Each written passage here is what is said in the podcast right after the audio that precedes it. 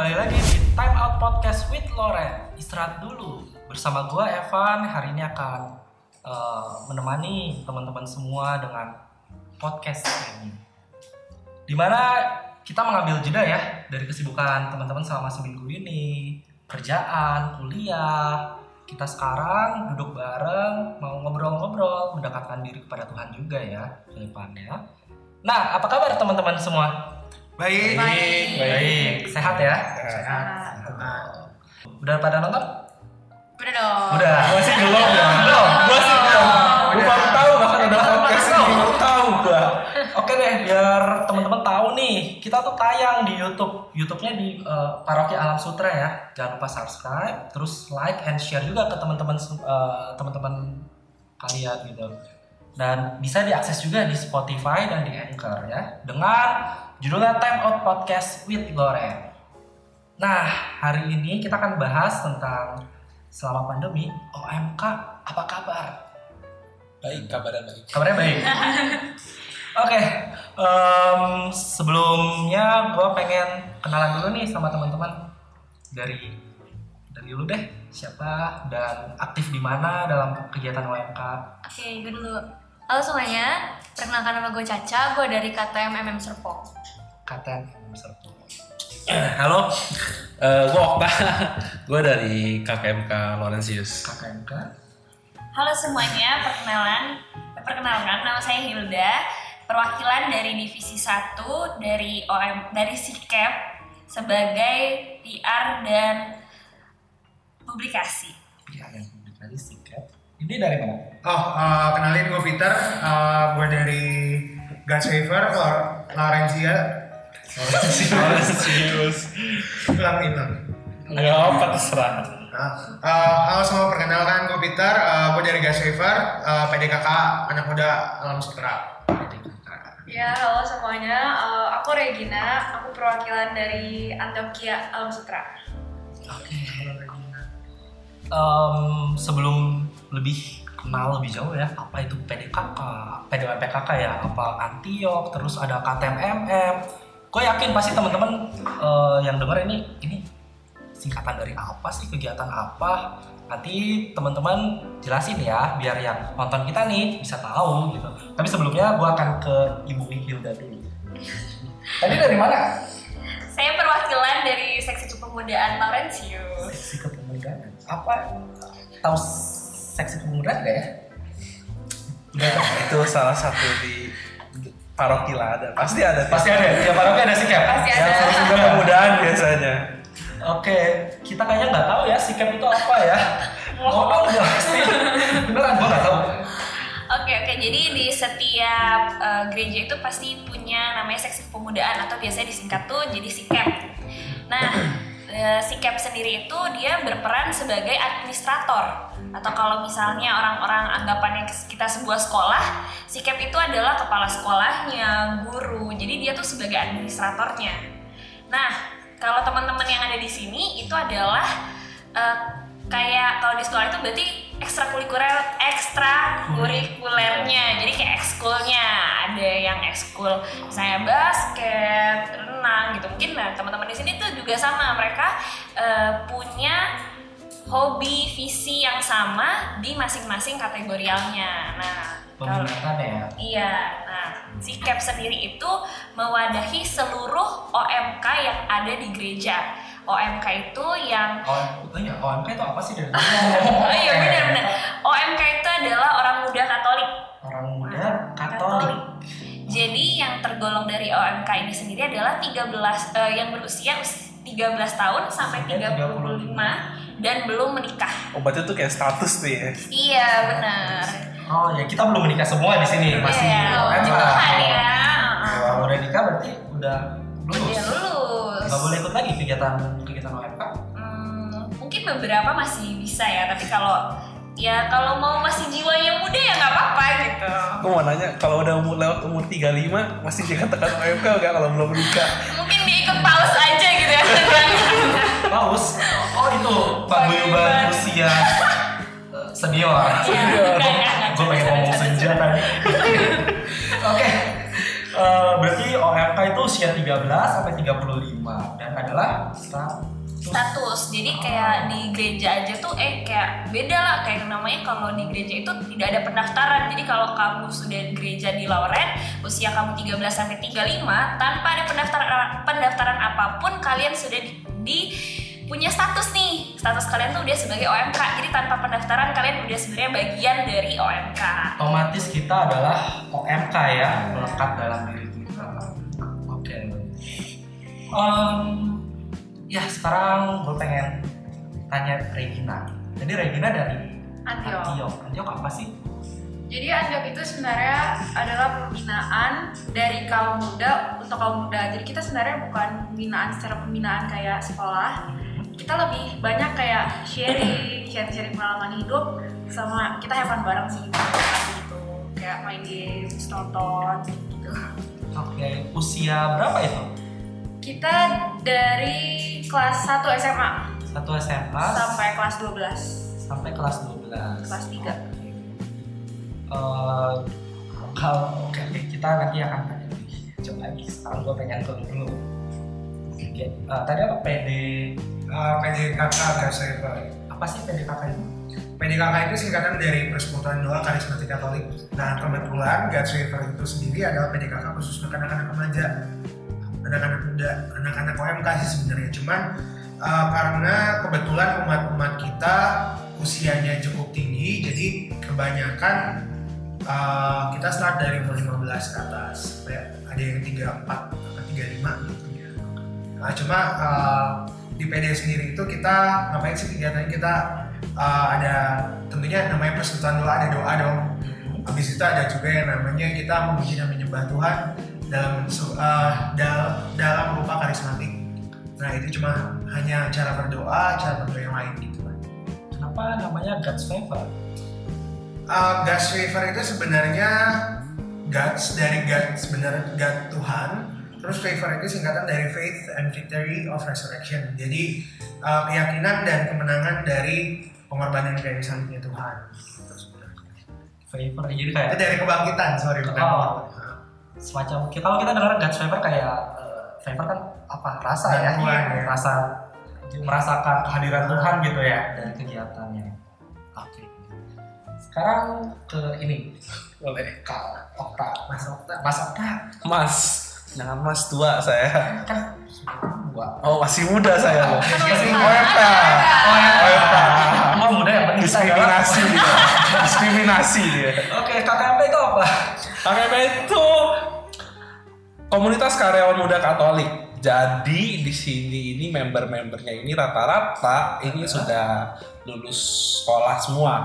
Jadi rata-rata usianya itu dari umur 21 sampai 35. Kok ikutin rata OMK 35. Lasnya ya. Oke. Tapi kadang kita masih oke, kita masih open untuk yang di atas 35 selama dia nyaman aja. Yang ikut ini berarti mereka yang sudah bekerja. Sudah bekerja, punya sudah bekerja atau punya usaha sendiri. It's okay. KKMK karyawan Komunitas karyawan muda Katolik. Keren juga ya karyawan ada wadahnya ya, juga. benar dong Ekskul, ekskul. Ekskul. Ekskul.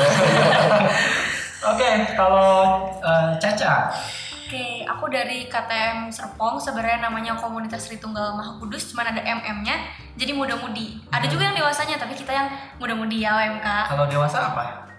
Eh, KTM Serpong aja. Oh, Iya. Tua-tua. Enggak, enggak ada, cuma ada MM. Enggak Oke. ada. Jangan ditambah-tambahin, Pak. Oke, oke. Enggak ada. Nah. Muda-mudi umur berapa nih yang ikut? Sama seperti kisaran OMK, dari anak SMP udah bisa sampai ke 35 tahun. Kalau KKMK sendiri kegiatan rutin eh, ATM bos. ATM bos. Hatinya masih di sini. bos. Oke, KTM kegiatan rutinnya se- sebelum pandemi ya. apa gimana kegiatannya?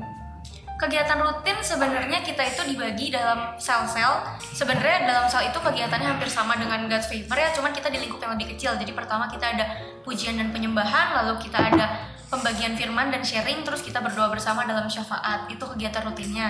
Tapi yang unik ini KTM ini yang ada di sel-sel kita itu tergabung dalam wilayah dan beberapa wilayah itu tergabung dalam distrik.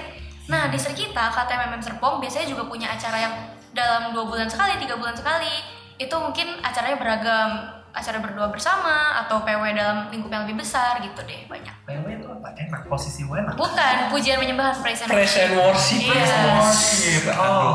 tapi enak juga Enak juga? enak juga ya. Sama-sama enak lah. Oke. Oke. Dalam di Loren sendiri ada berapa sel? Kalau untuk satu distrik KTM MM Serpong ada 10 sel dan terbagi jadi tiga wilayah. Tiga. Iya. Caca sendiri bagi termasuk sel Aku di sel Laurentius. sel Laurentius. Anggotanya banyak. Kalau di sel itu anggotanya dibatasi dari mungkin dari tiga orang tuh sebenarnya udah bisa nih kita ngumpul sel, tapi biasanya maksimal tuh 16 sampai 20 orang lah.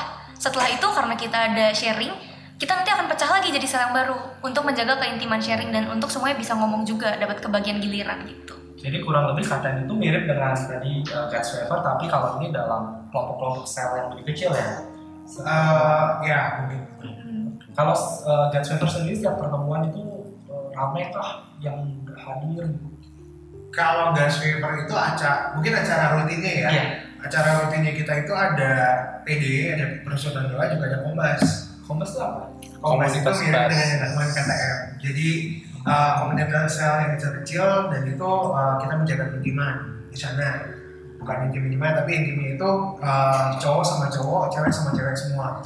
Jadi di situ tempat kita sharing tempat kita wadah saling uh, tukar pikiran tukar uh, menceritakan masalah yang lagi kita hadapin kayak gitu. karena kan uh, kita nggak bisa ngomong anak muda tuh nggak punya masalah.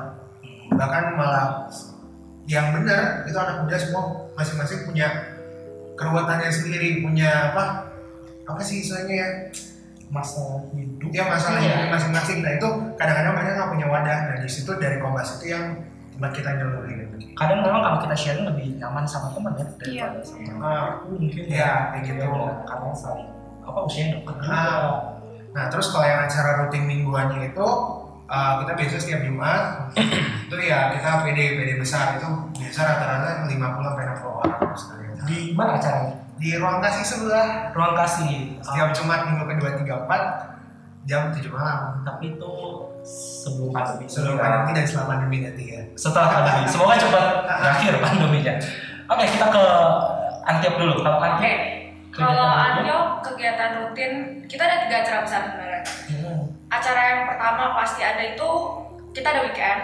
Weekend di mana kita nyambut nih anak-anak baru yang pada kerja. Hmm. Itu lebih kayak retret, tapi kita yang kebanyakan sharing, games kayak gitu.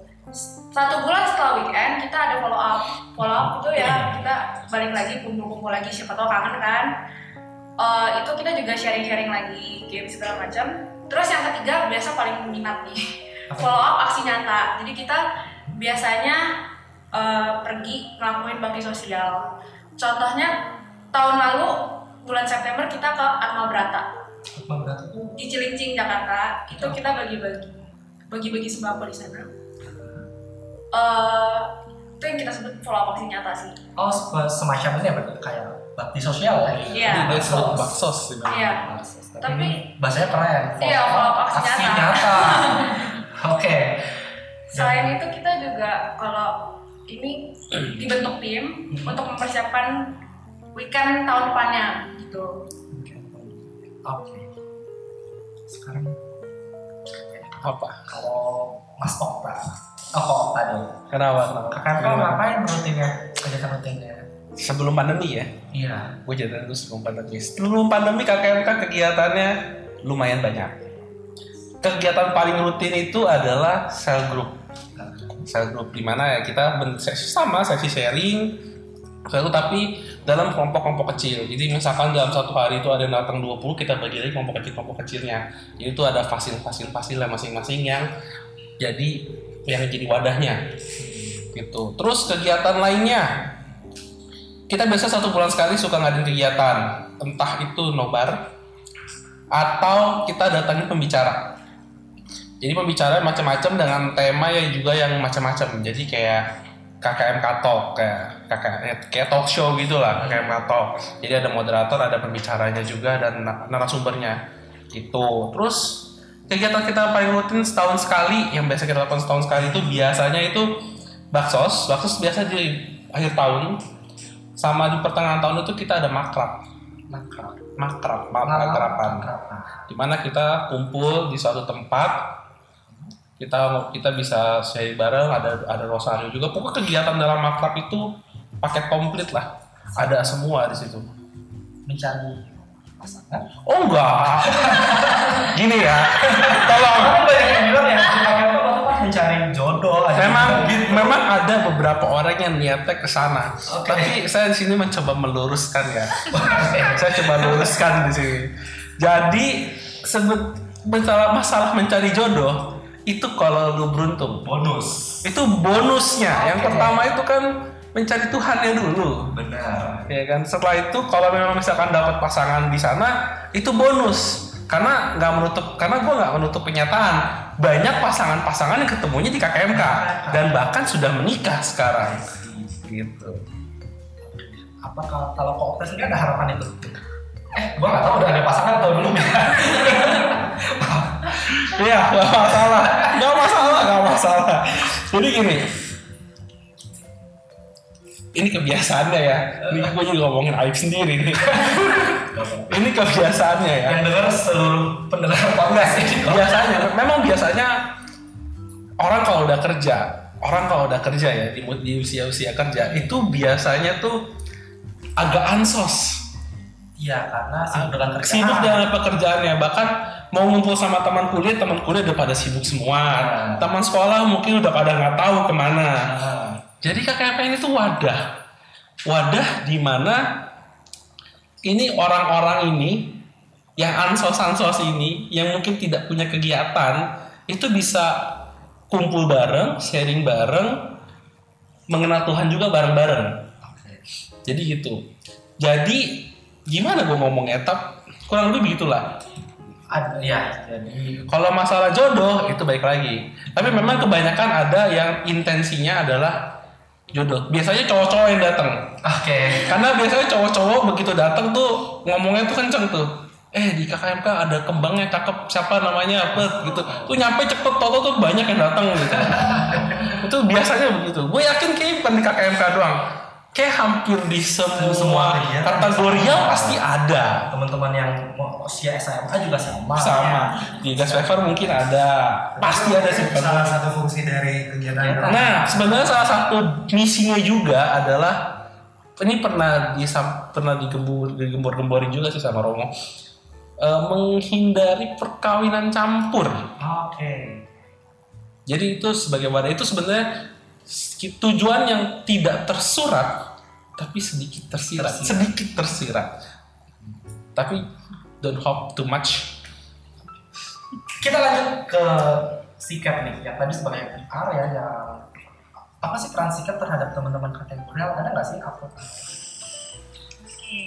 Jadi kalau peran sikapnya sendiri ya, peran sikapnya sendiri itu terutama di fungsi yang PR ini adalah menjadi jembatan baik antara OMK, OMK yang awam maupun antara tuh maksudnya yang nggak ikut kegiatan. Iya benar. Oke. OMK awam ataupun dari antar kategorial ke kategorial, kategorial teritorial dan teritorial dan teritorial gitu. Jadi kalau di sikap itu, eh, jadi OMK nih gede gitu ya. Nah sikapnya kan cuma administrator. Jadi sikapnya sendiri itu sebenarnya tidak punya acara. Jadi kalau misalnya orang nanya apa sih acara rutinnya sikap, sikap gak punya gitu. Karena sikap ini cuman kayak administrator organisasinya aja kepala sekolah sama gurunya. Nah, si sikap ini membantu misal ada anak-anak yang eh, dia kuliah di sini rantau. Terus mereka kayak mau cari kegiatan, oh di sini ada gereja Lauren nih. Aku mau dong aktif di OMK-nya. Harus ke mana aku mencari gitu. Nah di sini sikap itu eh, apa menjadi ininya wadahnya perantara melalui IG OMK.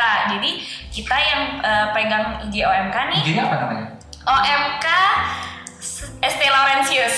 Jangan lupa follow OMK ST Laurentius. Nah, jadi em, dari sini kita akan bantu nih OMK awam kayak eh, mulai dicari tahu kamu usianya berapa, sukanya apa, karena kan eh, kita akan bisa cocokin lagi nih dengan kategorial. Setelah kita tahu, kita akan eh, lempar ke ke PIC kategorial Oh, gitu. misalnya ada yang sudah bekerja, eh, gue pengen aktif nih di kegiatan gereja, tuh bisa ke mana? Nah, bener. Oh, lemparnya ke lemparnya ke KKMK atau ke GF atau ke KTM tapi dia nggak mungkin masuk Antiok atau Roses gitu kan ya. masih usia SMA. SMA gitu. Jadi kayak sikap itu perannya di situ tuh. Nah atau juga misalnya nih sikap itu punya acara gede. Kalau dulu sebelum pandemi kayak misalnya porseni nah tapi eh, sikap ini sendiri tuh cuman di belakang layar. Jadi dia akan membentuk suatu panitia lagi da- eh, yang terdiri dari anak-anak teritorial. Kalau teritorial itu wilayah. Oke. Nah, anak-anak wilayah di situ mereka akan uh, mengumpulkan semua wilayah-wilayah uh, OMK OMK wilayah untuk ikut lomba. Oke, peran sikap sebagai perantara ya. Iya. Hmm, sekarang gue pengen nanya nih ke teman-teman lagi dan ke sikap juga ya selama masa pandemi ini kan tahu sendiri ya yang kuliah kuliahnya di rumah yang kerja shift shiftan ya ada kantor uh, masuk kantor atau ada di rumah jadi gerakan kita untuk bertemu berkumpul itu kan menjadi terbatas ya. Apakah kegiatan uh, kategorial teman-teman jadinya pasif kah di situ atau tetap ada kegiatan? Boleh siapa yang mau duluan? Oke lu aja deh. Oke. Kalau kita di Antiok kan eh, yang jalan kan eh, timnya ya. Persiapan untuk weekend harusnya kemarin kita weekend bulan Juli. Tapi karena pandemi kita libur. Diundurnya sampai belum tahu. Kemarin kita nentuin Desember, tapi kalau misalnya emang belum bisa, kita undur lagi jadi tahun depan. Jadi kayak istilahnya skip setahun weekend. Oke. Eh, kita di tim awalnya emang agak susah ya, tapi eh, kita sekarang tiap dua minggu sekali bikin pertemuan. Di pertemuan ini kita tetap bahas rundown acara, ntar gimana sih ngadepin new normal tuh weekend yang baru kita harus bikin apa nih peraturan-peraturannya. Weekend via Zoom gitu bisa? Wah susah kalau weekend via Bisa? Zoom. Nggak seru ya? Iya, Oke. jadi makanya kalau misalnya belum ini kan kita mundur ke tahun depan. Nah di tim juga kita kan eh, tadi yang udah aku bilang kan kita sharing-sharing. Hmm. Eh, kalau anak-anak baru kan nggak mungkin mau sharing langsung kan ya. Ya masih malu-malu ya. Jadi kita di tim ada yang sharing duluan. Jadi kita tetap latihan sharing gitu, sharing-sharing kehidupan. Eh, terus kemarin kita kan kalau sharing terus bosan ya. Kita juga ada bikin games itu kayak ya eh, apa tebak foto kayak gitu. Oke, berarti ada games, ada tetap ada pengalaman sharing ya. Iya, terus kita juga ada nyari dana. Kebetulan kita nyari dananya dari jualan tas sama jualan kaos. Kebetulan aku lagi pakai kaosnya. Oke. gitu. Oke Regina, thank you. Gue sekarang pengen nanya nih ke GF eh, kegiatan selama pandemi. Eh, kita kan biasanya PDG, Jadi gitu, oke. terus kan PDZ. PDZ. Eh, Apa itu? PD from gereja, PD from Zoom. Oke. PDZ. Iya, jadi sekarang kegiatan kita maupun PD ataupun kombasnya semua kita alihin ke media daring atau online. Kita biasa di Zoom. Nah itu buat dapat linknya juga teman-teman gampang banget tinggal follow Instagram kita @gaswaver21 udah nggak ada .com-nya. Di situ ada link-linknya, kalian tinggal daftar dan ngikutin kegiatan kita untuk PD Zoom online-nya. Nah, tapi kalau yang kayak kegiatan retret, kayak gitu biasanya kita tiap tahun ada retret tahunan itu diadakan. Oke. Ya, masa pandemi semua rata-rata via online juga ya? Iya, semua via Iya. online. Kegiatan eh, singkatnya apa ya? Setelah Kita paling secara grup online, kalaupun kita mau ngadain KKMK Talk, kita juga ngadain KKMK Talk kayak online. Kayak kemarin baru. kayak webinar ya? Ya, kayak webinar kurang lebih. Masih berkumpul melalui Zoom. Yes. KTM juga sama, KTM juga sama lewat Zoom. lewat Zoom juga. Tapi rutin semua dilakukan setiap minggu, hampir ada pertemuan. Yes. Ada. Kalau kita tetap uh, minggu kedua tiga dan empat. Tiap dua minggu sekali. Tiap dua minggu sekali. Hari Rabu, tiap hari Rabu. Sikap, apakah punya ide kah buat teman-teman ini eh, di pandemi ini ya punya kegiatan apa gitu yang bisa dilakukan bersama? Kalau dari sikap sendiri sebenarnya dari bulan Maret sampai bulan Juli kemarin itu mengadakan eh, baik doa rosario rutin, pokoknya kita ngadain doa bareng rutin waktu itu. Sekaligus kita eh, biar OMK-nya nggak hilang nih. karena kan sempat eh, kategorial juga waktu itu belum jalan yang awal-awal masih pandemi menyesuaikan biar anak-anak wilayah juga eh, belum ada kegiatan nah dari sikap turun tangan untuk bantuin kita buat doa bareng melalui zoom dari bulan Maret sampai Juli kemarin. Ada doa rosario ada juga kita sesi sharing. Namanya sharing manja nah Terus eh, setelah dari situ kita eh, tidak sampai di situ, kita juga bantuin setiap minggunya nih, misalnya ada teman-teman dari GF, misalnya punya acara di hari Jumat, nah kita bantuin buat promosiin tuh ke karena kan itu karena seksi kepemudaan punya acara, jadi anak-anak yang kekumpul juga eh, banyak macam, maksudnya dari mana-mana, dari wilayah, ada yang misalnya dia itu dulunya aktif tapi sekarang jadi nggak aktif lagi jadi kayak ketemu semua nih. Nah kita mulai memperkenalkan lagi oh kalau di gereja ini tuh anak-anak mudanya tuh bisa ikutan acara GF loh ada juga KKMK kalau untuk yang karyawan ada KTM ada Antiok gitu. Jadi kita eh, bantuin untuk promosiin teman-teman kategori yang lain kategorial yang lain gitu Nah, nextnya ke depannya kalau pandemi udah berakhir, kita bisa kumpul lagi bareng nih kegiatan di gereja, kegiatan eh, ya ngumpul secara fisik nih. Ada nggak sih ide membuat kegiatan eh, bareng gitu antara tiap kategorial dari Antiok, dari God's Favor, KTMK, KTM bersama sikap gitu punya ide kegiatan nggak? Apa Youth Day Laurentius, Hmm? Youth Day Laurentius, Youth Day Laurentius. Bikin camping, camping bersama kalau trekking juga bagus. apa Trekking juga bagus. trekking Hmm. ada mau teman-teman ayo Kita duduk bareng lah biar gak jadi wacana. Iya. selama ini kita ke- kenal saling kenal tapi dari eh, ininya aja ya lebih ke apa ya pengurus-pengurusnya gitu Iya. jadi ke pengurus-pengurusnya kadang kita kegiatan bareng ya waktu itu ada waktu gereja masih buka tuh kita jadi petugas apa liturgi bareng Sama petugas jadi tatip. terus kita porseni waktu itu porseni timnya ada dari God's Favor ada dari Caca juga jadi panitia porseni ya waktu itu Iya. gitu nah dan kayaknya masih banyak anak OMK Laurentius yang nggak kejamah ya sama kita. Bener. sangat banyak Benar. kalau dari data ya eh gua nggak tahu sih bener atau enggak berapa ya 60% atau apa katanya ma- eh, anak usia OM kalau di paroki kita lima ribu mungkin ada kali ya kalau total umat kita itu sangat banyak tapi yang kelihatan eh, yang ikut itu itu aja gitu. 4L. apa 4L. apa itu Lo lagi, lo lagi. lagi lagi oke Eh, ya melalui media sosial saat ini kan memang eh, cukup menarik gitu ya untuk men- anak muda ya punya IG masing-masing Punya. Ada. Punya, punya. ada bukan IG lu ya IG kategorial ya Jadi gue udah kasih tahu. oke tadi udah kasih tahu kalau Antiok ada IG-nya Ada ada. Eh, eh, Antiok itu IG-nya antioquia.also. antokia.alsur Kalau Favor, at God's Favor 21. at Fever 21 Oh iya. Buat kalian para penonton, jangan lupa follow at KKMK Laurentius. Mungkin nanti mungkin editor boleh dikasih bawah sini ya, at KKMK Laurentius. kalau mau follow IG-nya Okta juga boleh Ada di situ, cari aja. oke Perjuangan nge-stop dulu ya. kalau KTM sendiri Kalau KTM MM Serpong, ktm.mm.serpong atau di selku sendiri at Salarensius. Axel Laurentius. Kalau kita sikap OMK ST ST Laurentius. Nah, em, ya seru banget ya.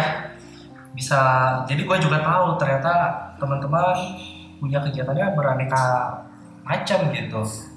Ada dari setiap usia punya ya teman-teman yang eh, SMA lalu yang ini lebih random ya tadi dari dari SMP ada ya? SMP ada, masih ada. SMP sampai usia sekarang 30 tahun ada. Ada.